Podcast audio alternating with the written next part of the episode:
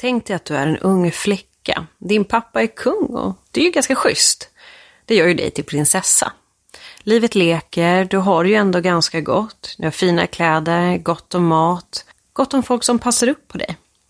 Men du börjar bli lite äldre och förstår att du snart kommer behöva gifta dig. Du är ju faktiskt snart 15 och då är du ju vuxen. Så en dag då kommer din pappa in och berättar den goda nyheten. Du ska bli drottning av Egypten. Eller ja, en av drottningarna. Faraon har ju beställt en ny fru.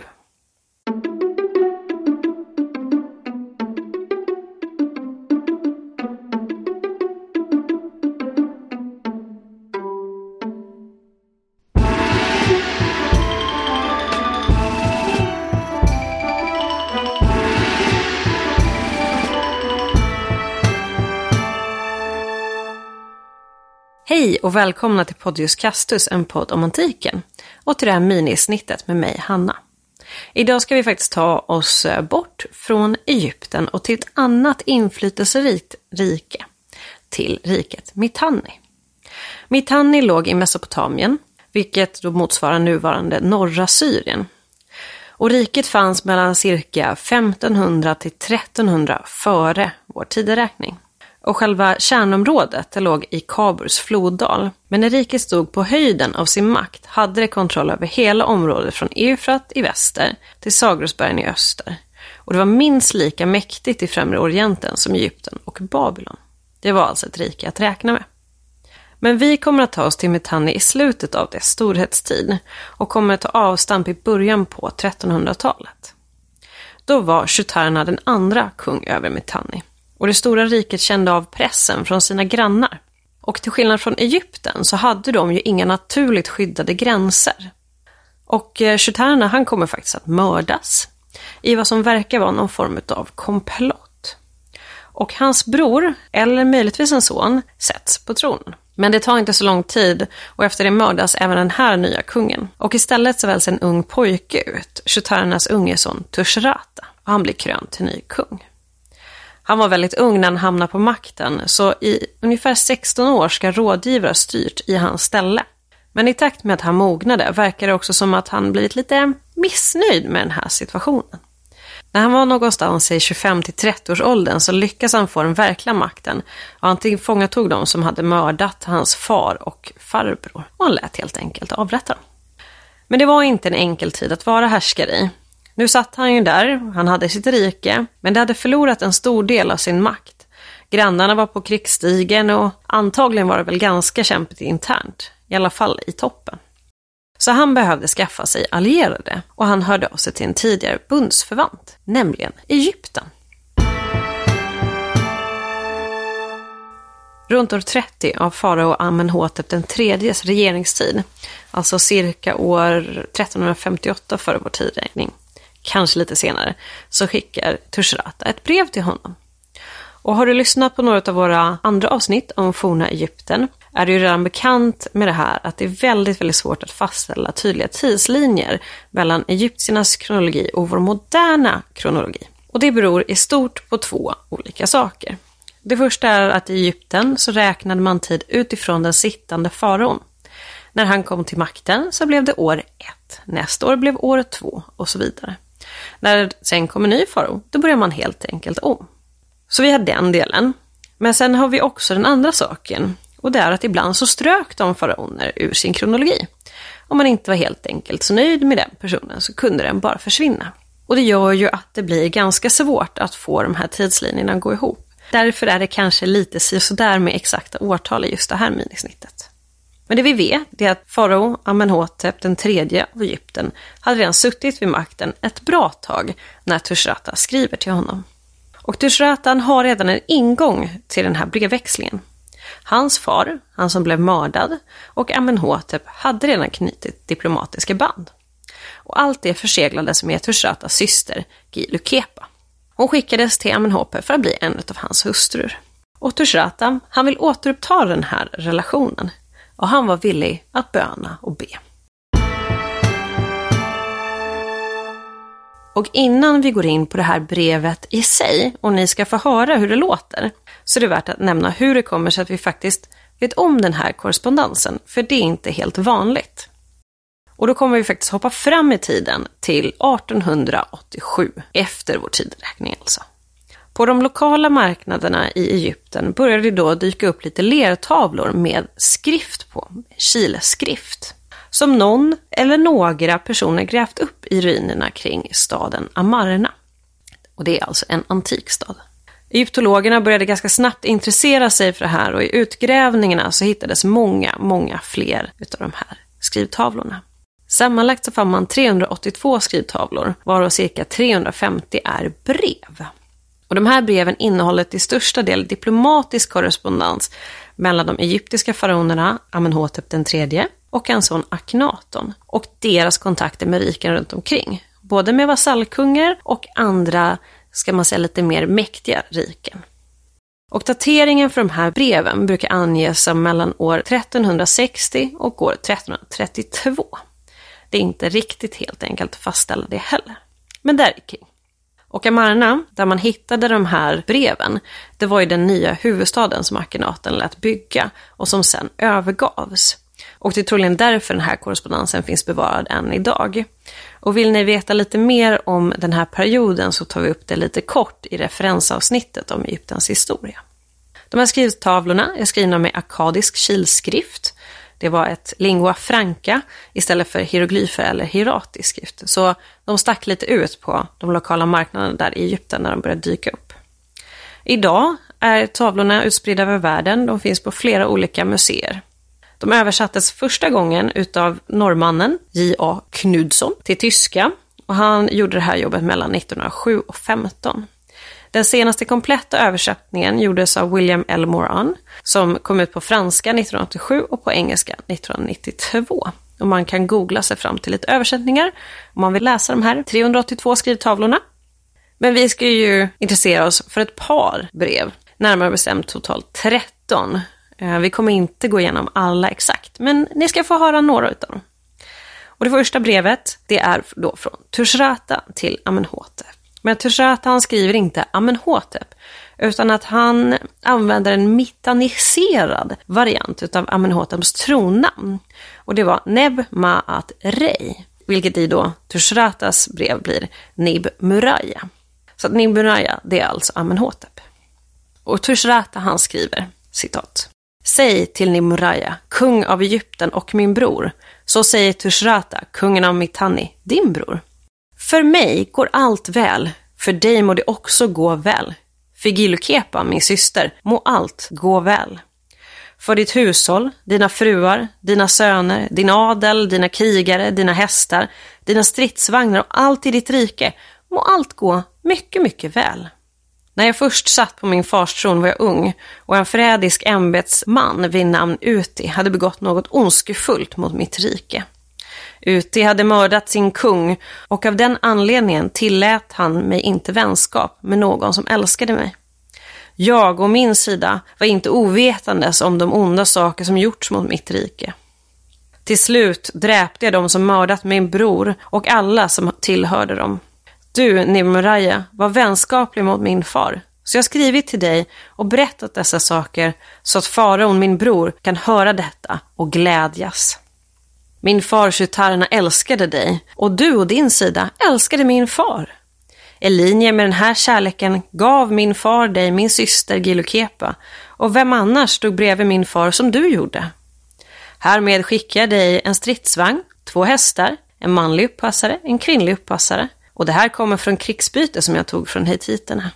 Som välkomstgåva till min bror skickar jag också fem stridsvagnar, fem uppsättningar hästar, som present till min syster, Gilkepa, skickar jag till henne ett set av guldnålar, ett par guldörhängen och en guldring.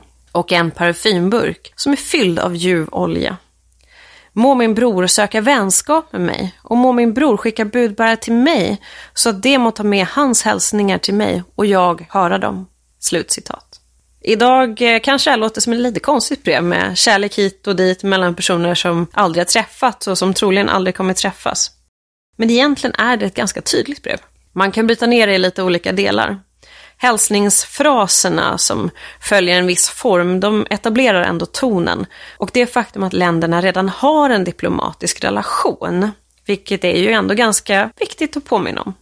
Och sen förklarar ju Tushratta varför det har varit lite tyst från honom och från hans rike Mitanni. Och det ger också en liten indikation om varför han hör av sig just nu. Sen påminner han ju lite fint om den diplomatiska relationen som fanns då mellan hans far och Amenhotep och att de två männen faktiskt är släkt genom Gilu Kepa. Så visar han på sin välvilja med alla gåvor som han skickar med och till sist så säger han vad han vill. Jag vill ha er, tack. Vi har tyvärr inte kvar Amenhoteps svar till Tushratta. Men bara av de brev som finns, alltså de som kom till Egypten, så går det ändå ganska bra att få ihop den här korrespondensen. För Tushratta mer eller mindre upprepar vad Amenhotep skrev i sitt svar. Och Amenhotep, faraon, han sätter sig inte emot en förnyad relation, men han behöver en garanti. Och han vill ha en ny fru, en till prinsessa. Farao är ju redan till åren och kan ha redan flera fruar och barn och faktiskt redan en prinsessa från just Mitanni. Men det är ju enklare att lita på familj än vänner.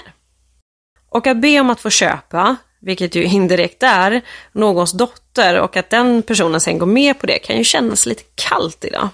Och som att man kanske inte värdesätter döttrar. Men jag tror att det är lite av en förenkling av situationen.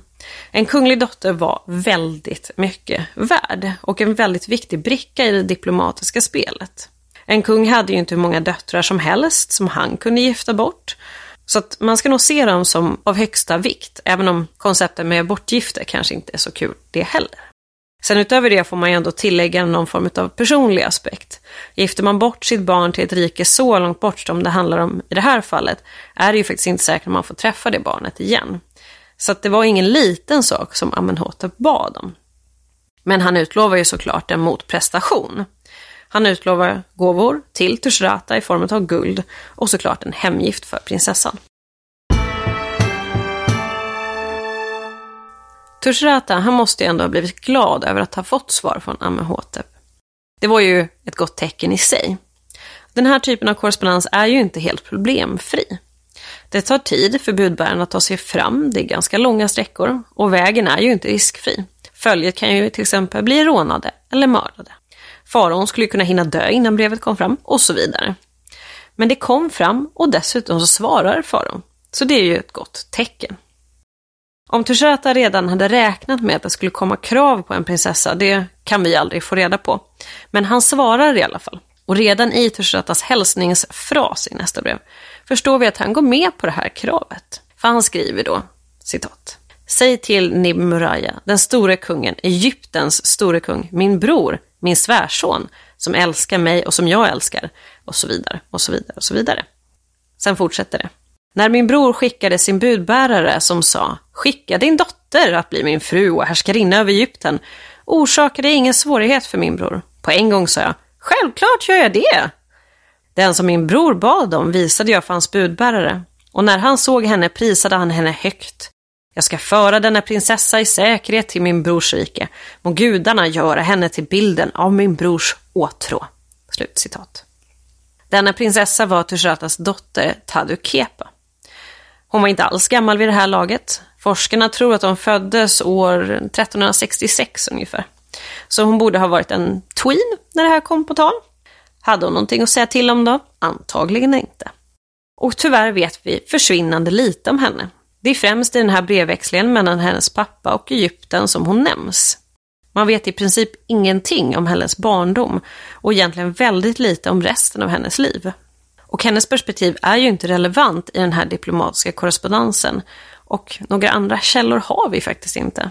Hon kanske själv förde någon form av anteckningar eller skrev texter, men för att sånt ska bevaras så måste det ju cirkulera i tillräckligt många exemplar och vara tillräckligt populärt för att avskrivas under flera hundra år, i det här fallet under flera tusen år. Och det har inte skett. Ska man ha andra skriftliga källbevis, då handlar det ju till exempel om inskriptioner på monument eller begravningssammanhang, vilket inte skulle vara helt oväntat för en person i den här positionen. Men i båda de fallen behöver ju de här vara så att säga signerade, alltså namn för att vi ska kunna identifiera dem till en specifik person. Och eh, det har vi inte. Och dessutom vet vi inte vad man tänkte kalla henne när hon väl kom till Egypten. Men mer om det senare. Nu ska vi tillbaka till Tushratas brev. Man är ju inte nöjd med att bara skicka iväg sin dotter, han vill ju ha en tydlig motprestation. Och i det här första brevet som Tushrat hade fått från Amenhotep skickar han ju med såklart lite presenter, precis som Tushrat gjorde i sitt första brev. Och det Amenhotep skickar är ju såklart det eftertraktade guldet. Men Tusharata, han var inte helt nöjd med det han hade fått. Så han skriver vidare, citat. När jag skrev till min bror sa jag, låt oss älska varandra väldigt, väldigt mycket och låt det finnas vänskap mellan oss. Jag bad också min bror om mycket guld och sa, må min bror ge mig mer än han gav till min far och må han sända det till mig. Du skickade en stor mängd guld till min far. Du skickade två stora guldkärl. Du skickade dem guldtackor som om det bara vore gjorda av koppar.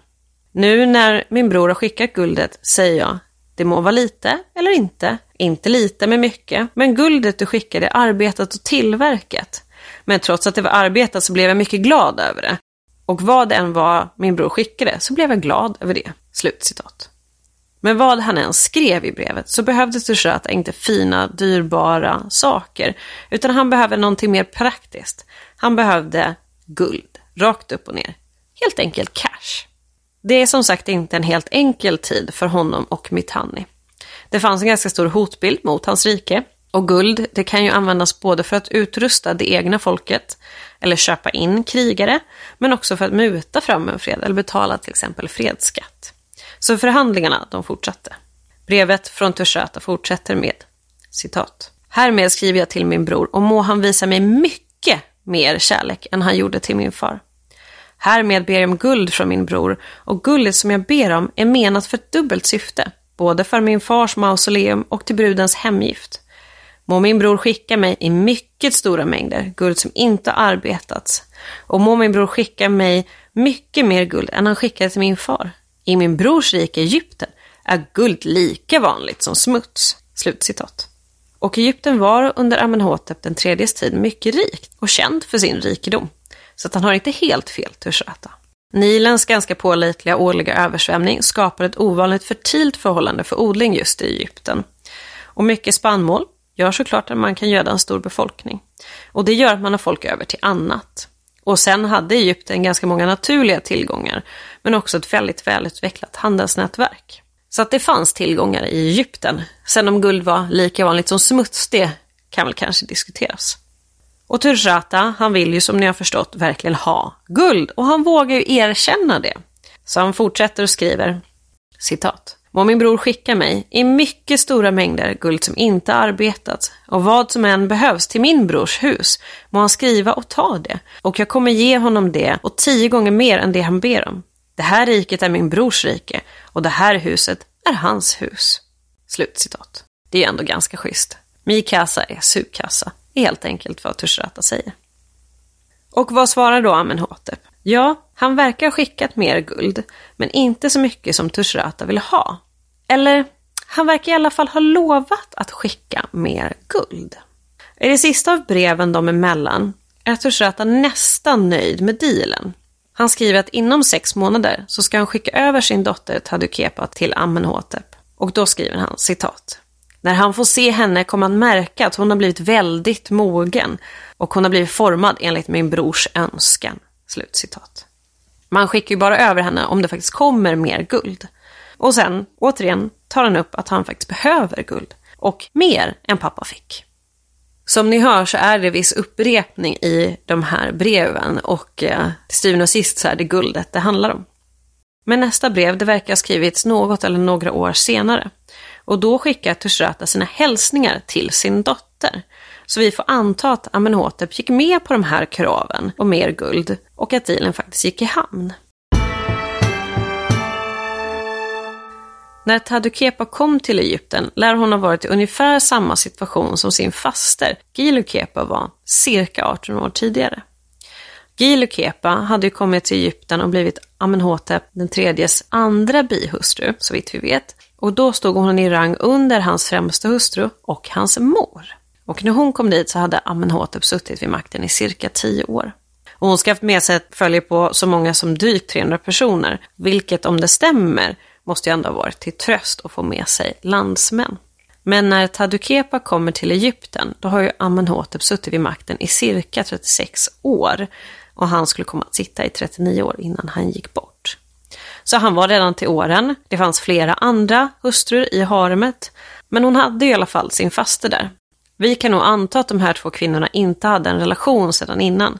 Gilu Kepa lämnade ju Mitanni innan Tadu Kepa var född. Men förhoppningsvis underlättade det för den nya drottningen att ha en släkting och en landsmaninna på plats. Och Tadu Kepa hon ska ha varit runt 15 år när hon lämnar Mitanni för sitt nya liv. Och då har ju de här förhandlingarna pågått ett tag, så hon har nog kunnat vänja sig vid tanken i alla fall. Och väl på plats i Egypten så blev hon del av det kungliga haremet. Och hon försvinner ur källorna, förutom just i de här breven från Tushratta som frågar efter henne eller hälsar till henne. Det här är kanske inte så konstigt som det låter. Bihustrur till faraon syns inte alltid i källorna. Speciellt inte om de inte uppfyller ett av två kriterier. Det första var att de hade fött ett barn. Födde de en son så är det inte säkert att de syns i källorna förrän sonen blir utpekad som tronarvinge. En dotter kanske kan synas lite mer än en son. Eller det andra kriteriet, och det var att hon innehade ett religiöst ämbete som på något sätt syns, till exempel i tempelinskriptioner. Men som sagt, så inte så lång tid efter att Sadukepa kom till Egypten så dog ju Amenhotep. Och då blir det hans son, Amenhotep den fjärde, eller senare då, som han kallas Akhenaten, som kom till makten. Av vad vi får veta så kan vi inte se att Sadukepa fick något barn med Amenhotep den tredje. Och kanske så gifte hon då om sig sen med sonen Akhenaten. Och i Tushratas brev, som han fortsätter skicka till Egypten, men nu då adresserat till Akhenaten, så adresserar han just faraon som sin svärson, vilket då skulle tyda på att Tadukepa blir Akhenatens hustru istället. Men mer än så vet vi faktiskt inte om hennes öde. Efter den här dealen gick i hamn så skickade Tushrata ett par brev till. Totalt finns det 13 brev bevarade, varav sju tar upp Tadukepa. Men efter Amenhoteps död så skrev han ju till Akhenaten istället. För det här med guldet var ju fortfarande ett litet problem. Amenhotep har lovat att skicka statyer av guld. Men de statyerna som sonen Akhenaten sen faktiskt skickar är förgyllda statyer istället för de här helt solida guldstatyerna. Och det gör ju såklart Tushata lite putt. Eh, men de här breven verkar inte ha gett så mycket resultat. Så att istället så skrev han ett brev till Akhenatens mamma. Och det är ju en strategi som är värd att respektera. Och resonemangsäktenskap av den här typen var ju faktiskt inte ovanliga under antiken. Men att kunna följa den här processen, nästan steg för steg, det är väldigt, väldigt ovanligt. Och det gör ju att den här korrespondensen är så otroligt intressant. Men det man egentligen vill veta är ju vad som hände med Tadukepa. När hon väl anlänt till Egypten är det ju inte så konstigt att hon försvinner i källorna om hon får ett nytt namn. Och det är ju inte så svårt att tänka sig att hon kanske fick det. Antingen en mer egyptisk variant utav Tadukepa eller kanske ett helt nytt namn. Precis som Tushratta kallar Amenhotep typ den tredje för Nimuraya kanske Tadukepa fick någonting lite mer egyptiskt klingande. Men skulle det vara så, så gör det det ju ännu mer vanskligt för oss att försöka följa henne genom historien. Och det finns faktiskt två teorier på just det här temat. Och för att kunna varken styrka eller avskriva de här teorierna så behövs nya bevis som man faktiskt inte har idag. Men det kanske kan komma i framtiden. Och de går helt enkelt ut på att det ska skett ett namnbyte för Tadukepa. Antingen när hon anlände i Egypten eller sen när hon då skulle ha gift sig med Akhenaten. Och den ena av de här två teorierna det är att hon byter namn till den vackra som har kommit eftersom att hon har kommit från ett annat land. Och det skulle då bli ett ganska välkänt namn, Nefertiti. Drottning Nefertiti har vi ju bekräftad på ganska många ställen. Vi har pratat om bland annat hennes byst tidigare som är väldigt välkänd. Men Nefertiti har ingen tydlig härkomst i källorna. Och hennes namn antyder som sagt att hon har kommit till Egypten. Så det här är då en teori att hon egentligen var då den mitanniska prinsessan Tadukepa. Men i motsats till den här teorin så finns det ju källor som nämner Nefertitis amma. Och Tadukepa hade ju inte behövt en amma om hon kom till landet som 15-åring och då alltså redan vuxen. Så att eh, det talar då lite emot just den teorin. Men en annan variant på samma tema är att hon kanske bytte namn till Kia, som också var en bihustru till Akhenaton och skulle då ha varit den andra bihustrun med namnet eh, högt älskad av faraon. Kia som namn sticker också ut och känns inte riktigt helt egyptiskt. Och precis som Nefertiti har hon inga titlar som tyder på att hon var av egyptisk kunglig börd sedan tidigare, som till exempel kungens dotter eller kungens syster, som de drottningarna och fruarna ofta har om de är släkt med faraon. Då har man dubbla titlar. Kia, hon fick en dotter tillsammans med Akhenaten och hennes namn finns kvar på flera ställen. Bland annat så har man hittat en väldigt vacker utsmyckad kista som ska ha gjorts för Kia men som sedan omarbetades. Men efter ett tag så försvinner den här drottningen från det arkeologiska materialet. Och på flera ställen har hennes namn omarbetat och ersatts med namnet på en av Akhenatens olika döttrar som han hade med Nefertiti. Och på grund av den här namnomarbetningen så är det de forskare som tror att hon på något sätt hamnade i onåd eller hade gjort någonting dumt. Eller att hon, om hon nu var samma person som Tadukepa, skickades tillbaka till Mitanni när relationen mellan länderna sprack. Men det går helt enkelt inte att veta idag. Och den här korrespondensen är ju ett exempel på hur man som egyptisk farao kan göra om man vill beställa en ny hustru. En antik postorderfru helt enkelt. Och det här var allt för denna gång. Du har lyssnat på Podius Castus och på mig, Hanna. Vill du komma i kontakt med oss så kan du skriva till oss på sociala medier. Vi finns på Instagram och på Facebook. Eller så kan du mejla till oss på podiuscastus.gmail.com. Och till nästa gång så får jag säga på återhörande.